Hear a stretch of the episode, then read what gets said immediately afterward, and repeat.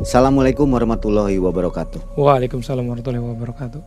Selamat malam Sobat MM. Malam. Jumpa lagi nih dengan Mang Ei. Sudah bosan atau belum? Kalau bosan ya tetap aja nonton lah. Karena bukan Mang Ei yang di depan kan. Yang di depan ini Narsum. Malam hari ini sudah ada di depan Anda. Inilah Mas Nanto. Mas Nanto yang berasal dari daerah Sumber ya. Iya, sumber jadi tujuh. Mas Nanto akan bercerita tentang kisah nyata yang dialaminya Iya. pada tahun 2016 Iya, yaitu melawan dukun palsu. Nah, ini mirip dengan yang kejadian sekarang nih. iya, Ada dukun asli, dukun palsu. iya, Kisahnya Mas Nanto itu melawan dukun palsu karena kekesalannya si dukun itu tidak bisa membuktikan kebenaran ceritanya ya. betul. Akhirnya Mas Nanto kesal. Nanti saya juga pengen tanya nih apa sebenarnya yang ada di benak Mas Nanto. Iya, Baik Mas Nanto, baik. sehat ya? Sehat. Berapa jam ke Cirebon nih? Sekitar satu jam 28 menit.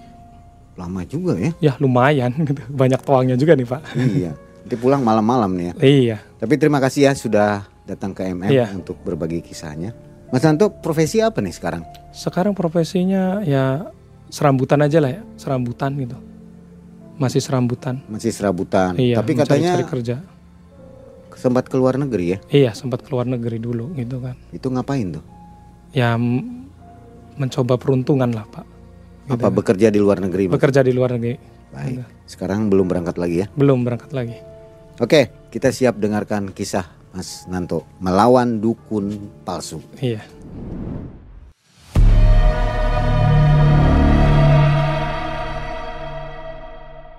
Jadi awal kisah saya nih melawan dukun palsu itu di tahun 2016. Saya ini awal-awalnya itu kan ya namanya juga kita masih anak muda. Kumpul-kumpul itu seneng gitu kan. Nah, di suatu tempat kan di desa saya sendiri sih ada tempat perkumpulan anak-anak muda. Ya kira saya sih itu perkumpulan-perkumpulan biasa kita buat nongkrong, sharing, ngobrol ya kan. Ikutlah ngumpul sama teman-teman saya gitu kan. Daripada bete gitu kan kalau misalkan jam 12 malam kita nih mau ada kegiatan apa nih. Nah, oh di sana nih ada nih di daerah ibaratnya di pojok lah, ya kan. Di pojok desa gitu si Batok itu. Ada nih tempat perkumpulan enak loh di sana sekiranya bisa ngopi-ngopi gitu kan. Nah, datanglah saya ke sana dengan teman saya gitu kan. Nah, saya ikutlah ngumpul, ngobrol ya kan. Tanpa se- sepengetahuan saya, kira saya ini kan kumpul-kumpul biasa gitu kan. Perkumpulan biasa, kayak kita-kita anak muda gitu, perkumpulan. Eh, tahu-taunya di balik itu kan, dia tuh ada rencana udah udah direncanakan mungkin ya bukan ada rencana sih udah direncanakan juga dia mau bikin padepokan padepokan itu ya kan Mas Deden lah ya kan yang itu yang jadi ketuanya itu kan Mas Deden lah. Dan kagetnya dia menamai dianya sendiri sebagai ibaratnya titisan dari keruhun di tempat saya sendiri gitu kan. Bukan orang terpandang. Mungkin dia secara pengakuan pingin ada pengakuan dari warga dia sendiri awalnya itu Nah, bukan dari situ aja kira saya, cuman dia sendiri yang ingin pengakuan. Nah, kayak teman-temannya dia juga dikasih julukan-julukan gitu kan. Nggak tau lah, nggak jelas julukannya kayak gimana gitu kan. Saya mulailah penasaran. Ini kok perkumpulan apa begini tuh? Ya kan? Perkumpulan yang bagaimana? Alurnya tuh ke mana gitu kan perkumpulan ini? Nah, secara saya telusuri-telusuri ya emang perkumpulan-perkumpulan yang begini tuh nggak jelas. Iya, mencari ilmunya itu kan dari buku yang di pasar malam. Oke lah saya tuh keluar lah dari situ, keluar dari pedopokan itu. Cuman setelah keluar, nggak taunya warga da- warga desa saya sendiri itu ada yang percaya awalnya itu dari mana dia percaya padahal dia tuh bukan turunan bukan apa. Nggak tahu nih kepercayaan itu di awalnya itu dari mana. Mungkin kelompok dia ada yang ibaratnya udah disetting gitu. Settingan namanya juga dukun palsu berawal dari settingan kelompok sendiri atau rekan dia sendiri sebagai pasien buat pembuktian di warga setempat dulu, belum ke ranah ibaratnya warga-warga yang di luar desa. Nah, dari situ warga desa saya tuh mulai percaya. Nah, ditambah lagi yang paling absurdnya ini, paling absurdnya, dia itu menemukan bongkahan emas atau ibaratnya kayak emas lempeng emas begitu kan bergambar cap Soekarno dan katanya itu asli murni tuh mas itu nah mulailah saya nih agak mulai kesal dikit kan. Kesel kesalnya itu kayak ini kok orang mulai ngaco menurut saya? Nah saya tantang lah dia. Saya datang ke dia kata saya tuh ini kalau misalkan emas murni saya kasihlah ini sama motor saya. Dua ntar saya jual. Saya tantang dia begitu. Motor apa tuh? Saya kasih motor ninja dua tak dulu punya motor ninja dua tak sama matic saya kasih dia nggak berani dia nggak berani katanya buat koleksi buat pembuktian buat ada pasien-pasien yang mau datang buat lihat ya intinya bullshit lah dia tuh kan intinya niatnya untuk pembodohan buat buat warga-warga setempat di desa dia sendiri. Dia melakukan pengobatan juga. Melakukan pengobatan juga. Ada pasiennya? Ada. Dari awalnya ibaratnya padepokan itu sepi, mulai sampai ramai banget padepokan itu. Karena marketingnya ini loh, yang bagus tuh marketingnya. Marketing dari rekannya dia sendiri yang jadi pasien. Oh, settingan. Settingan. Jadi ada gitu kan ada orang-orang yang benar-benar minta kesembuhan, ya kan. Kesembuhan ke Mas Deden, datanglah. Cuman kan itu diseling sama rekan setimnya dia dulu, biar buat pembuktian bahwa wah, iya nih sakti nih gitu, sakti. Nah, padahal itu rekan setimnya dia sendiri, dia tuh gak punya penyakit apa-apa atau gimana, ya pura-pura lah udah disetting dari awalnya.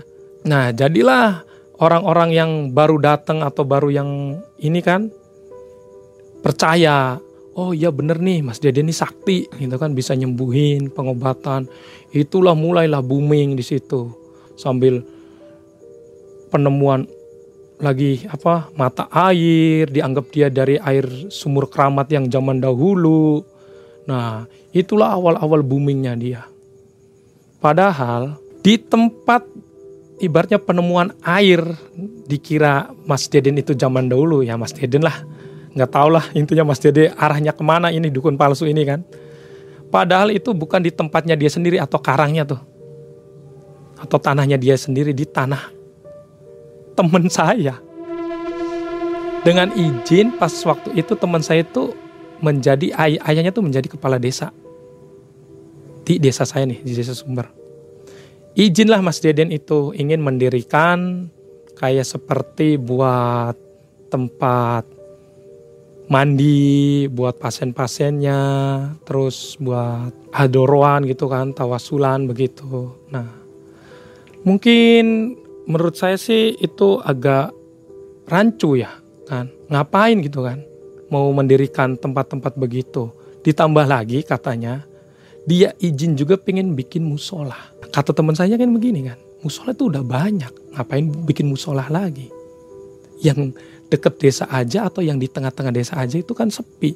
Nah ini di karang-karang sepi, lalu lalang kan itu kan nggak ada orang. Siapa yang mau sholat? Dia modal dari mana Mas Deden ini? Modalnya kayaknya hasil sumbangan dari warga-warga atau rekan-rekannya dia yang percaya. Gobloknya itu kan di sini nih gobloknya ya kan kalau Mas Dede ya nggak masalah sih ya cuma yang gobloknya yang ikut Mas Dedenya ini menurut saya nih gobloknya nih ada suatu kejadian ya kan? Dia itu di setiap malam Jumat itu ada penarikan setiap malam Jumat dengan saya mulai terusik nih saya mulai terusik ya kan? Ini kok apa bener dia nih? Ada penarikan. Dia nih belajarnya nih kapan gitu? Puasa juga nggak pernah. Penarikannya juga yang mau ditarik nih ekstrim. Sangat ekstrim ya kan. Ekstrimnya ya bikin orang-orang ibaratnya di luar logika lah. Nah ada suatu kejadian di daerah saya sendiri sih di tepatnya di The lah itu pak. The Grig itu kayak masih ada pohon-pohon itu kan masih di ujung pinggir-pinggir desa saya sendiri. Katanya mau narik Mustika Bajul Saito. Apa itu? Mustika Bajul Saito itu Mustika Bajul yang buaya itu pak. Ini kayak Susana film-film Susana ini udah mulai ngaco. Nah saya dapat kabar dari temen Tok, ya kan. Ini loh Mas Deden katanya mau ada penarikan Mustika Bajul Saito ntar malam Jumat. Wah ini mulai-mulai kata saya tuh ini niatnya nih orang apa? Satu sudah bikin rekayasa yang gak jelas dengan dia pengakuannya dia gitu kan. Kedua ibaratnya pengobatan pun dia nggak benar gitu kan. Nah dan ketiga niatnya ini niatnya apa? Niatnya pembodohan ini menurut saya. Oke lah saya ikut. Tapi ibaratnya lokasinya di mana nih? Tepatnya mau dia ini lokasinya di The Greek di bawah pohon beringin-beringin begitulah. Dua hari sebelum dia ada rencana mau penarikan, nih ada rencana nih saya nih. Rencana saya mau berangkat duluan nih. Kesel saya mau berangkat duluan. Ini yang Nah. kesel cuman Mas Nanto aja atau ada teman-teman lain? Mungkin teman-teman saya juga agak kesel juga sih karena dia kan bukan turunan. Kasihan gitu kan ah, yang turunan-turunan yang benarnya itu kan kayak turunan yang jelas silsilahnya di situ tapi tidak ada pembuktian lah ini orang yang nggak jelas pembuktiannya ini Mas Deden nih tapi dia berani membuktikan. Sampai-sampai mau narik Mustika Bajul Saito. Ini udah di tingkat alam-alam yang lain ini. Nggak jelas banget. Nah, nah di satu pas di waktu itu di hari mau penarikan saya ini duluan nih pak. Nah, di daerah The Grig ya kan. Saya tuh berangkatlah sendiri. Saya ingin memastikan juga sih. Namanya juga saya orangnya nekat. Satu nekat kedua saya tuh orang nggak percayaan apalagi ada hal-hal yang begini. Masuknya itu udah pembodohan buat warga-warga kita sendiri gitu kan. Kenapa Mas Nanto kok berani? Gimana kalau dia memang dukun bener? ya saya udah pasti dia itu bukan dukun yang benar. Karena saya tuh tahu dia yang dia pelajari itu bukunya tuh buku yang beli di pasar malam. Saya tahu jelas itu melihat bukunya dia waktu pas belajarnya dia nih. Ini sesat ini kata saya tuh cuman herannya saya nih sama rekan-rekan yang udah ngumpul di situ saya kasih tahu itu satu-satu ini tuh sesat loh ngapain kamu ngikutin kamu keikutan sesat loh imajinasi kamu tuh ntar nggak jelas jadi bukan ilmu yang datang, gila yang datang kata saya tuh. Cuman saya kayak ibaratnya gimana ya? Susah-susah udah menjelaskan juga kan nggak ada yang percaya sama saya. Latar Nah. belakang Mas Nanto apa? Memiliki ilmu spiritual atau apa? Nah mungkin saya sebagai ada keturunan juga gitu kan. Makanya saya agak nggak percayanya saya sendiri aja itu kan mengikuti keturunan saya sendiri itu berat. Beratnya itu kan mencari ilmunya itu kan. Nah, oke lah langsung ke di hari Kamis itu kan. Saya berangkatlah sendiri ke situ. Saya memastikan tempatnya di mana nih. Dia yang mau naruh itu gaman mustika bajul itu kan. Saya cari tuh. Nah, pas saya di sana tuh kok di sini kok belum ada yang naruh kata saya tuh. Ini gimana caranya ya? Saya tuh mencari cara. Nyatanya si itu mustika itu dibawa sama rekannya dia sendiri. Jadi ada yang ngebocorin lah. Saya yang udah ke sana tuh ada dibocorin dulu ke Mas Deden dari rekannya. Mungkin ada saya. Cuman saya ikut waktu pas penarakan tersebut. Nah, waktu pas penarikan di The Grig, ya masih desa saya sendiri di desa Sumber. Pas penarikan itu ya namanya Hadoroh itu kan. Hadoroh itu agak lama lah, atau satu jam lah, satu jam. Saya ketawa-tawa nih. Ini Hadoroh di bawah pohon nih mau ngapain?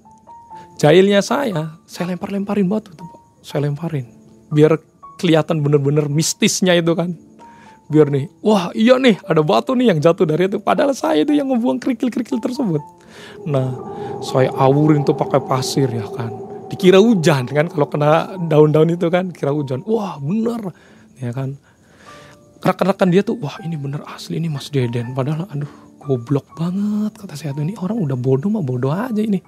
Susah kalau orang ngejelasin sama orang bodoh tuh. Nah pas waktu ke inti penarikan dia memanggil mediator orang dia sendiri. Tapi saya selalu selalu ingin gitu kan menjadi mediator Mas Deden tuh. Cobalah saya apakah benar gitu bisa ini apa kesurupan atau itu. Cuman Mas Deden selalu menolak. Mungkin dia tahu asal usul saya nggak tahu gitu kan. Dia pakai rekan steamnya dia sendiri. Nah waktu pas penarikan itu di, di degrik di daerah saya pas penarikan dimasukin lah itu rekan setimnya dimasukin. Nah dia dimasukin katanya kuntilanak lah. Nah jahilnya saya ini jahilnya saya itu tau nggak pak? Pruyan itu pruyan. Apa itu? Tempat kemenyan tuh. Tempat dupa. Ah tempat dupa lah ya. Kalau dupa kan ibu panjang. Ini kan pakai kemenyan pakai barat tuh pak. Zaman dulu kan. Sekarang kan dupa-dupa kan ke sini ke sini gitu ya. Itu kan ada baraknya kasih kemenyan gitu kan. Nah saya tumpahin itu. Yang ibaratnya areng itu tuh yang masih nyala itu kan masih panas itu. Saya tumpahin lah. Saya tumpahinnya itu pas di rekan setimnya dia yang jadi mediator. Itu Mas Nanto numpahkan itu nggak ada yang tahu? Ada temen saya. Ya, saking jahilnya saya itu kan saya udah siasat dulu kan. Nih saya mau numpahin nih. Kamu liatin ya saya numpahin nih. Dia pasti ngomong bilang panas nih. Gak mungkin ini beneran kata saya tuh oh masa sih ya, saya tumpahin? Tumpahin dia langsung nih. Nah kepegang nih kepegang. Nah kepegang dia bilang panas lah ini bohong. Kata itu kamu dibayar berapa sih? Bohong buat begini. Kasihan loh kamu tuh ibaratnya pembodohan buat warga kamu sendiri di sini. Pembodohan begini. Jadi di situ gagal lah omongannya tuh. Gagalnya begini, wah katanya si Bajul atau si Buaya ini nggak mau ngasih alasannya biar ibaratnya rekan steamnya dia dan orang yang orang baru juga nggak kecewa gitu pak. Nah terus saya akan pulang. Nah di terus ada di suatu tempat juga kan di dekat-dekat daerah saya juga ada tempat yang buat pesugihan. Itu namanya ibarat ini namanya itu Nah, ini bukan ini ya, tapi sama ini palsu juga gitu kan. Ada rekan satu timnya Mas Deden lah di sini tuh. Satu perguruan dia, dia mau ada penarikan di Sumur Gempol. Malam Jumat juga ada Mas Dedenya juga. Namanya juga satu Mas tim. Deden ikut juga. Iya. Saya nih nih kok orang nih udah dijailin tapi nggak nggak pernah kapok. Saya tahu asal usulnya sini. Ini tempat buat pesugihan. Emang bener itu tempat buat pesugihan. Saya berangkat lah tetap saya berangkat sendiri. Nah, ini tapi yang melakukannya Mas Deden juga atau Mas temannya? Deden tapi ada temannya, Oh. rekan rekan dari Mas Deden. Dia juga ibaratnya sebagai satu grup lah ya. satu grup tapi dia menamai dia Ustad lah pas waktu di penarikan di situ kan dia katanya mau narik pusaka dari itu kan sawah-sawah itu kan jauh itu dari pemukiman udah mah jauh dari pemukiman jauh lagi dari jalan di tengah-tengah sawah Mau pocong-pocongan. Iya, saya tapi saya berangkat sendiri. Tanyain sama temen, mau berangkat sendiri? Iya. Kalau mau ikut, hayu. Kata saya tuh ikut. Karena saya udah hilang lah pak. Namanya hilang urat. Takutnya tuh saya tuh udah hilang lah. Mungkin karena udah terbiasa juga sih. Awalnya gitu. Saya tungguin itu ada 30 menit. Saya udah masuk itu di dalam kerenda di itu kan kan dikerendain kayak gubuk-gubuk terus begitu ya. Ditutupnya cuman pakai tirai gitu itu nggak ada orang-orang. Tapi pas saya masuk, nih bener ini tempat ini masih ada pesugihan emang bener di situ masih ada yang namanya ibaratnya sampiran yang dinamain sampiran itu pak kayak misalkan ibaratnya kalau di gunung kemukus itu kan udah si setan itu atau siluman itu stay lah di situ. Tapi itu di itu mah enggak. Dia berganti di wujud yang saya ibaratnya saya temuin karena saya berangkat sendiri udah niatan wujudnya itu seperti wewe gombel. Wewe gombel bukan kayak seperti di film-film serem tuh serem banget dari mukanya tuh nggak jelas banget. Kayak berbentuk alien lah mukanya tapi ya bener itu. Payudaranya tuh gede. Tapi dia agak bungkuk. Dia udah ada di dalam nunggu. Saya tanyain kata saya tuh ini permasalahannya apa? Ini bisa ada orang kayak begini kan? Ada pesugihan kayak begini nih. Itu sebenarnya kesel. Padahal dulu ini di tempat udah saya bubarin semua pembubarannya juga saya karena saking keselnya kesel sebelum pembubaran ini buat di itu ada orang Indramayu daerah Karangampel lah. Dia tuh nggak mengakui kalau dia tuh orang kaya. Kata saya tuh ngapain pak di sini? Nggak apa-apa katanya mau nyepi aja. Lah nyepi kok di sini? Nyepi orang kaya mah di hotel kayak saya tahu kok bapak di sini naik mobil bagus. Dia tercengang kok tahu? Tahu lah bapak orang kaya. Kata saya tuh mobil juga banyak rumah bagus ngapain? Hmm, saya tendang tuh. Ibaratnya dia tuh makannya tuh pakai daun kates pak. Pepaya. Daun pepaya. Pucuknya itu kan. Itu pahit banget itu pak. Daun pepaya. Kata saya ngapain? Duit banyak makan pucuk daun pepaya. Ini pahit kan. Saya tendang lah itu dia pakainya cuma pakai ini kaleng susu dibolongin. Emang mungkin karena kuncinya itu sendiri ya. Nah pakai batu-batu kecil sama kayu-kayu dia rebusnya dia makan itu. Sama saya udah saya tendangin itu kan dia pulang lah. Nah kenyataannya dia pulang ya bener dia orang kaya. Nah keselnya malamnya itu saya balik lagi ke tempat itu. Datang saya keniatan ini saya bubarin ini tempat buat kira-kira nggak ada yang mau pesugihan lagi di sini caranya gimana ini caranya udahlah kata saya tuh saya bokerin di situ saya lemparin terus pakai kotoran saya sendiri Asli ini saya. Saya berani mau di tempat mana pun juga berani saya. Saya ee ini tuh di situ karena saking keselnya. Biar rusak ya. Biar rusak. Dan siapa kan yang mau buang kotoran orang kan, gitu kan. Nah, oke lah agak lumayan juga kan habis dibokerin saya tuh ada berbulan-bulan gak ada yang dateng. nah, pas udah nggak ada yang datang, udah sepi, mungkin udah nggak ada atau setan yang ke situ lagi lah nggak ada penunggu yang mampir ke situ jadilah buat trayeknya Mas Deden gitu buat trayeknya Mas Deden sama Al Ustad inilah Al Ustad dia kan buat penarikan gitu kan. Situasi sudah kondusif dia tuh enak mau penarikan. Karena udah nggak ada itu orang-orang yang mau pesugihan lagi di situ. Karena udah saya bubarin saya bokerin di situ. Pas waktu penarikan itu saya bawa kain putih. Saya bawalah kain putih saya duluan ini gimana caranya saya kira-kira al ustad ini ketahuan ketahuan takutnya ketahuan takutnya saya duluan lah saya duluan saya tungguin itu sampai 30 menit tuh pak. Udah sampai udah saya tuh saya tali ini kain putih nih sampai pocong-pocongan begini. Ini saya tahu ini skenario nya biar dia tuh kelihatan pemberani pasti yang masuk ini al ustadznya. Mas Deden pantau-pantau dari jauh biasa.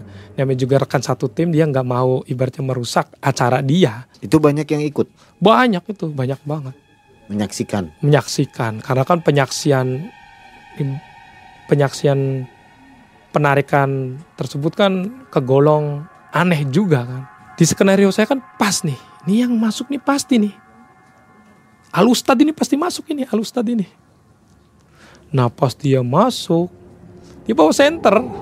Pas dia masuk udah nyenter itu ada saya di bawah pohon. Ini kan, ini kan pohon. Nah ini kan kayak sumurnya. Nah saya di pojok sininya. saya di pojok situ. Sambil gini kan udah saya pocongin, udah taliin saya sendiri. Itu masuklah Alustad. Nah tirainya dibuka itu. Kayak ordeng begitu, dibuka. Dia ngejerit, takut saya tunjukin tuh ke mukanya. Goblok lu, mau nipu-nipu orang. Saya tahu kamu tuh. Menjual batu-batu beli cuman lima ribu atau sepuluh ribu. Lu jual karena ibaratnya ada isinya kodamnya macan lah tutut lah. Ya kan nggak jelas. Kucing lah segala lah kata saya tuh. Nggak ada orang penarikan tapi orang yang nariknya itu takut. Nggak jelas kamu. Saya tunjuk tunjukin ke mukanya dia malu dia dia sambil ngomong begini aduh kamu ini ada-ada saja Nato ya gimana toh namanya juga orang usaha kalau nggak kayak gini anak istri di rumah makan apa tolonglah ya Jangan dikasih tahu ke yang lain. Sia-sia dong saya nanti. Jangan bilang-bilang katanya. Ini ya kan namanya juga orang usaha. Itu tempatnya seperti apa sih? Tempatnya itu kan pohon nih pak. Pohon. Jadi pohonnya tuh pohon gempol. Nah di bawah pohon gempol itu kan ada kayak sumur. Nah dibikin kayak gubuk-gubugan. Hmm. Jadi pakai Ordeng. Ordeng-ordeng biasa lah kayak pakai tapih begitu. Untungnya rekan satu timnya dia tuh masih ada berjarak 30 meter dari dia udah masuk nih, udah ngebuka tirai itu tuh. Mungkin biar dia kelihatan. Wih berani nih sendiri. Padahal nggak taunya udah ada saya duluan di situ. Ya. Nggak ketahuan ya Mas Nanto masuk ya? Nggak ketahuan karena saya duluan Pak.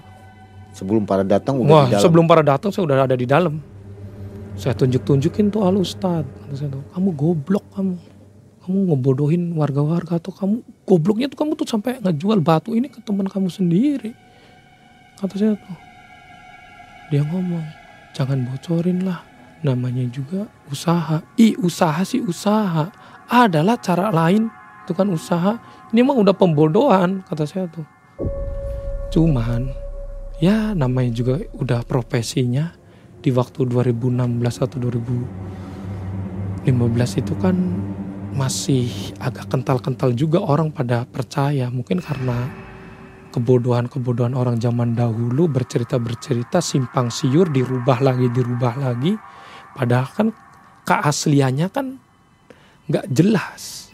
Keasliannya itu kan. Jadi acara pendoiran gagal? Gagal. Alasannya apa?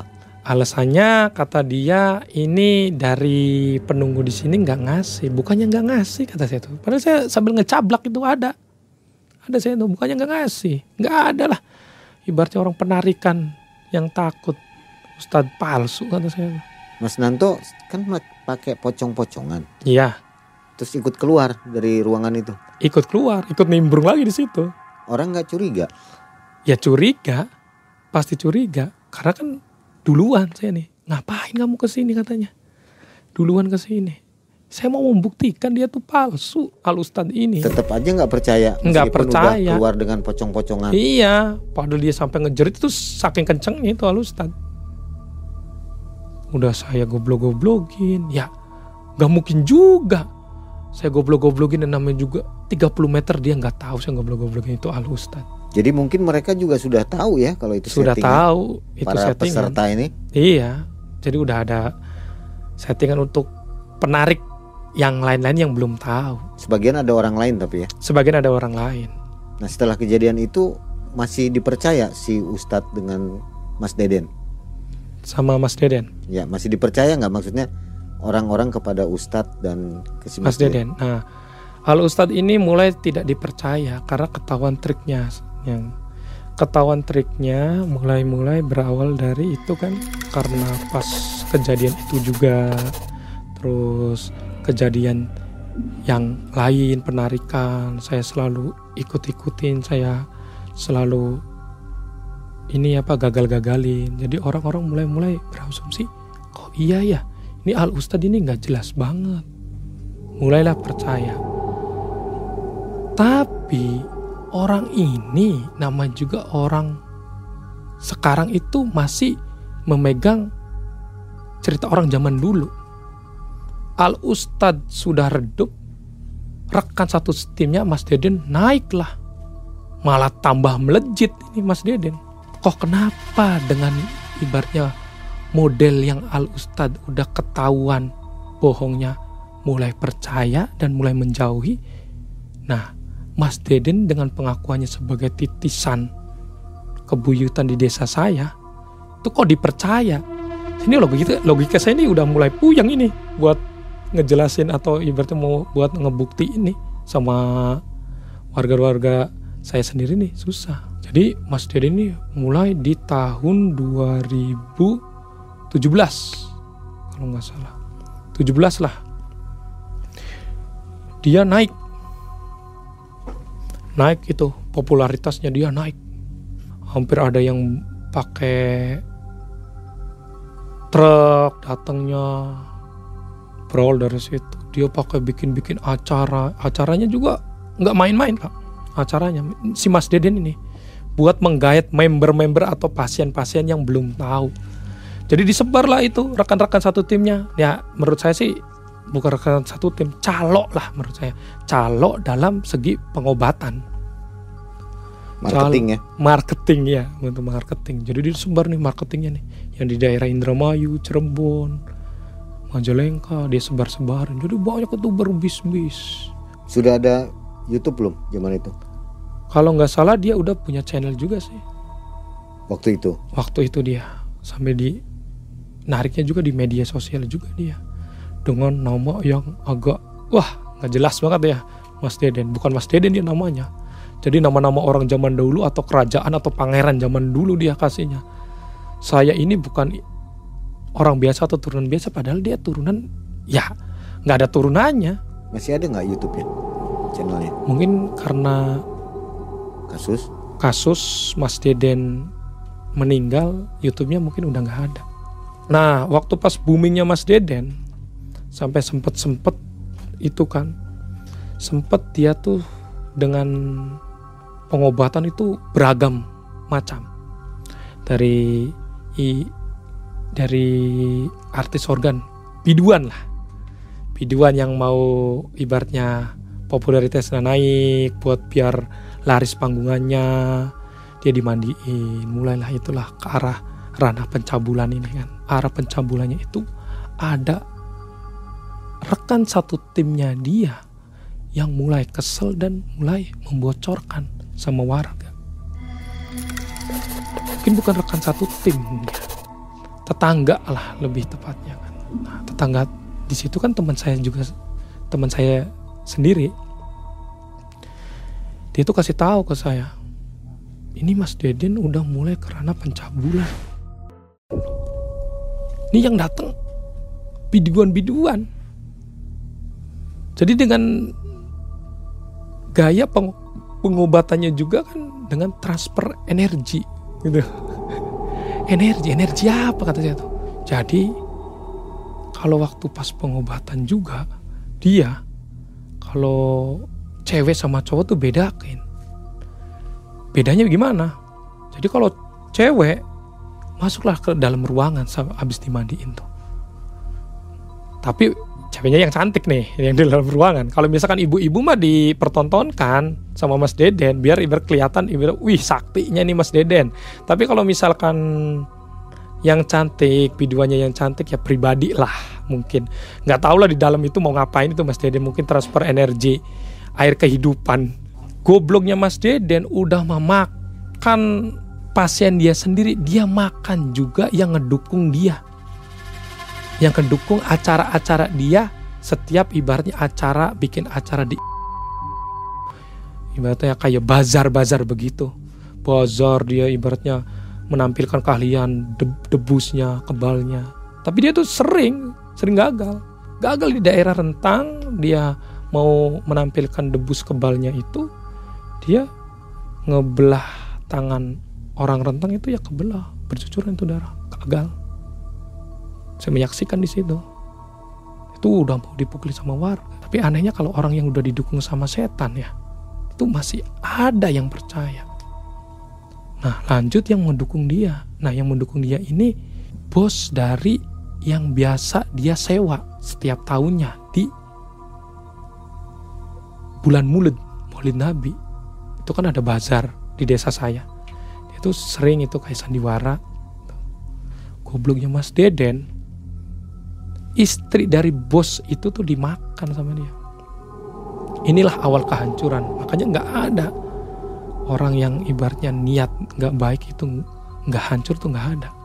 Inilah awal kehancurannya Mas Deden mulai dari awal orang yang dipercaya atau orang yang ngasih modal ke dia dia makan juga mungkin hawa nafsu juga kali ya padahal dia udah punya istri sempat buronan dia tuh berapa bulan jadi buronan si Mas Deden. Dan kembali lagi dengan acaranya dia yang tadinya padepokan karena udah hancur karena tingkah lakunya dia sendiri. Ya mungkin ya namanya juga padepokan gak jelas juga sih. Dia datang lagi ke desa saya lagi itu kan datang.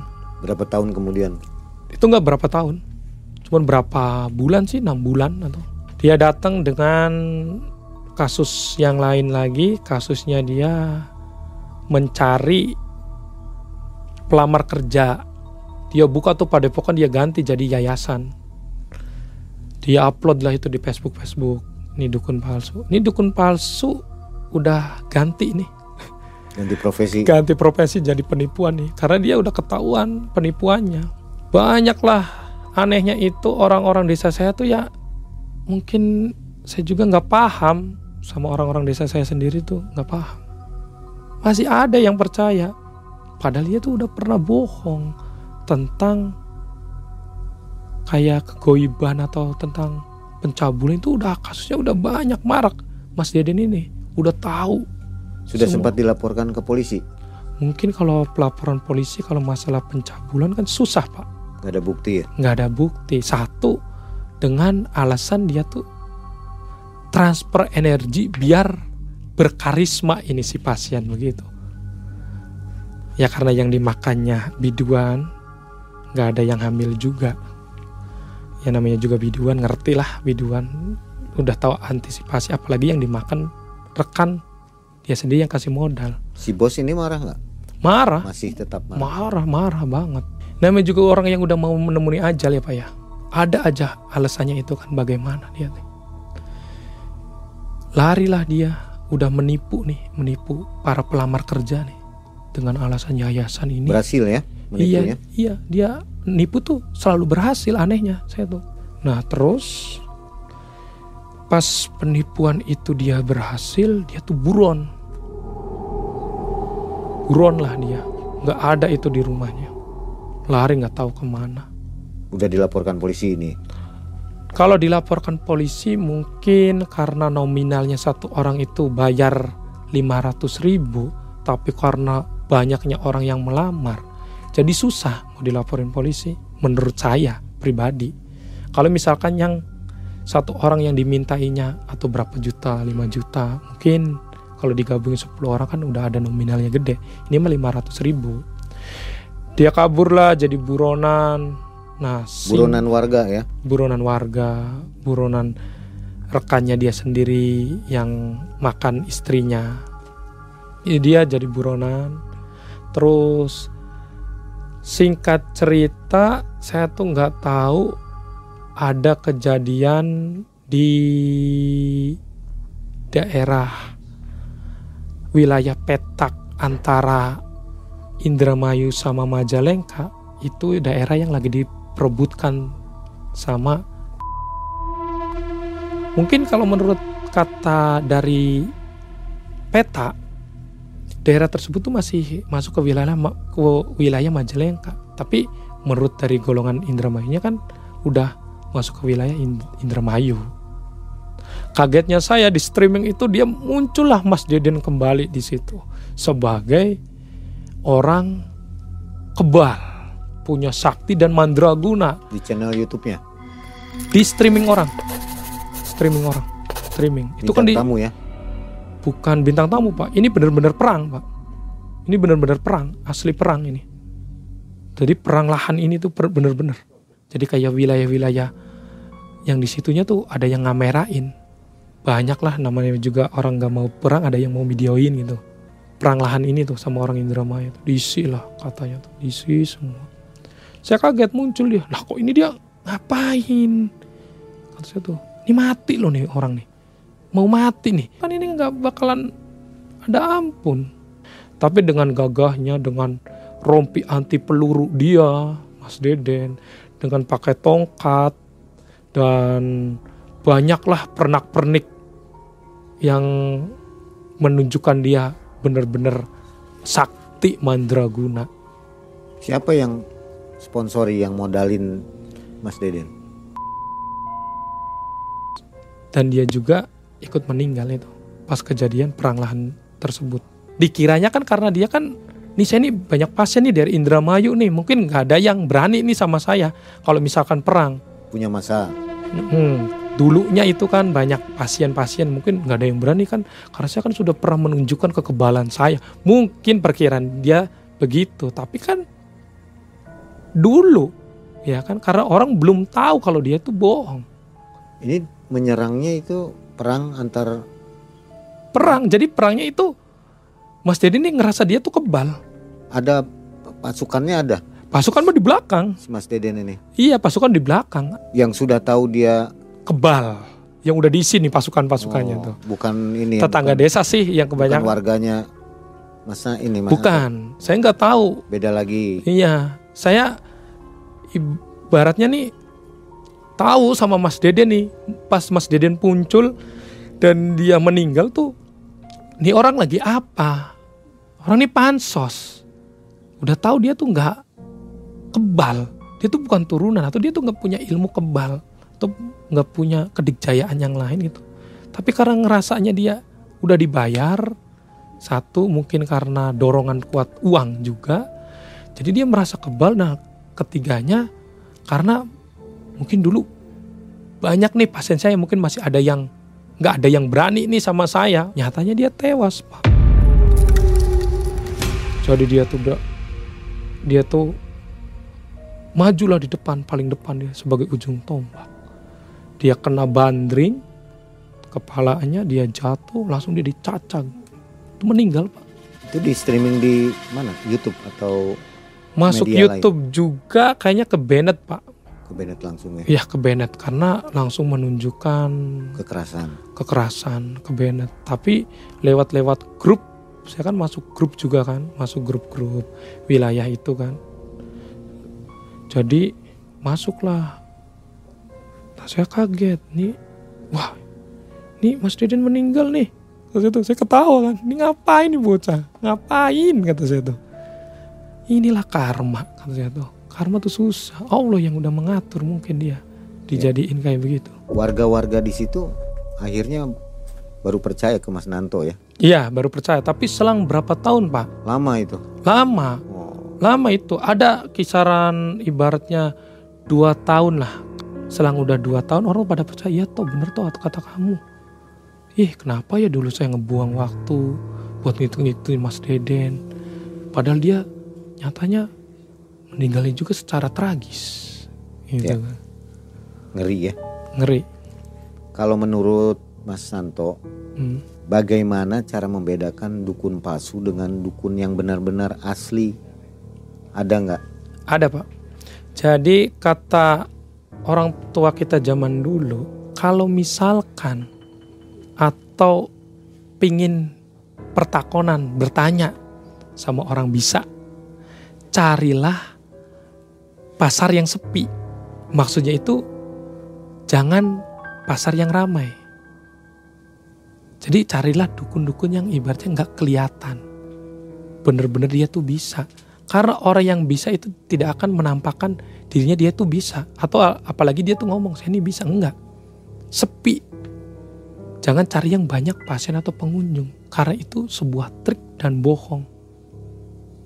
Itu. Kalau dukun yang sepi ini jarang main uang ya Jarang. Dia karena seikhlasnya. Ilmu itu nggak bisa dijual. nggak ada harus 3 juta 4 Nggak juta ada.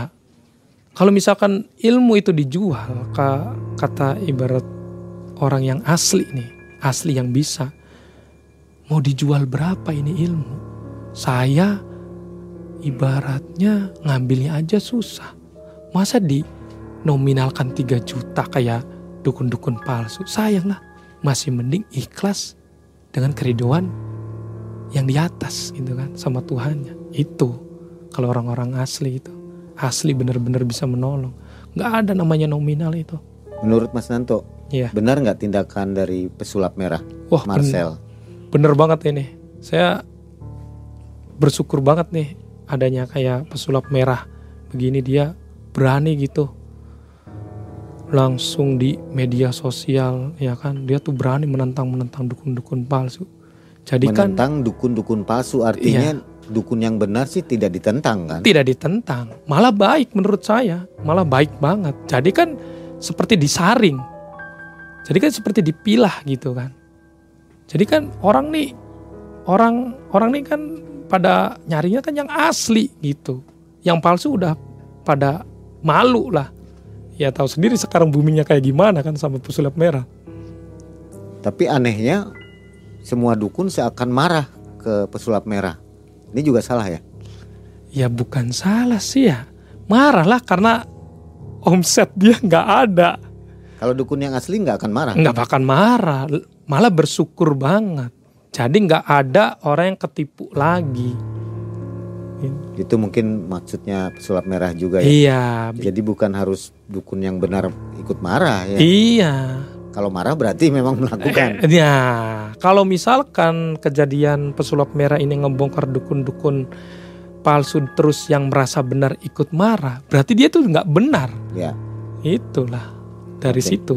Luar biasa sekali kisah dari Iya. Mas Nanto ini. Iya. Tahun 2016 ya? Iya. Berarti sudah ada YouTube waktu itu. Ya udah ada itu sudah Android ya udah android di situ Semoga kisah dari Mas Nanto ini memberi pelajaran untuk kita semua lebih berhati-hati dalam hal bertanya untuk hal-hal goib. gitu nah ya. iya begitu Waspada, ini sudah waspada lampu merah ya. iya udah lampu merah banget Baiklah, terima kasih Mas Nanto atas Iya. kisahnya. ya terima kasih pak Saya Mang Ei dan tim undur diri. Assalamualaikum warahmatullahi wabarakatuh. Waalaikumsalam warahmatullahi wabarakatuh.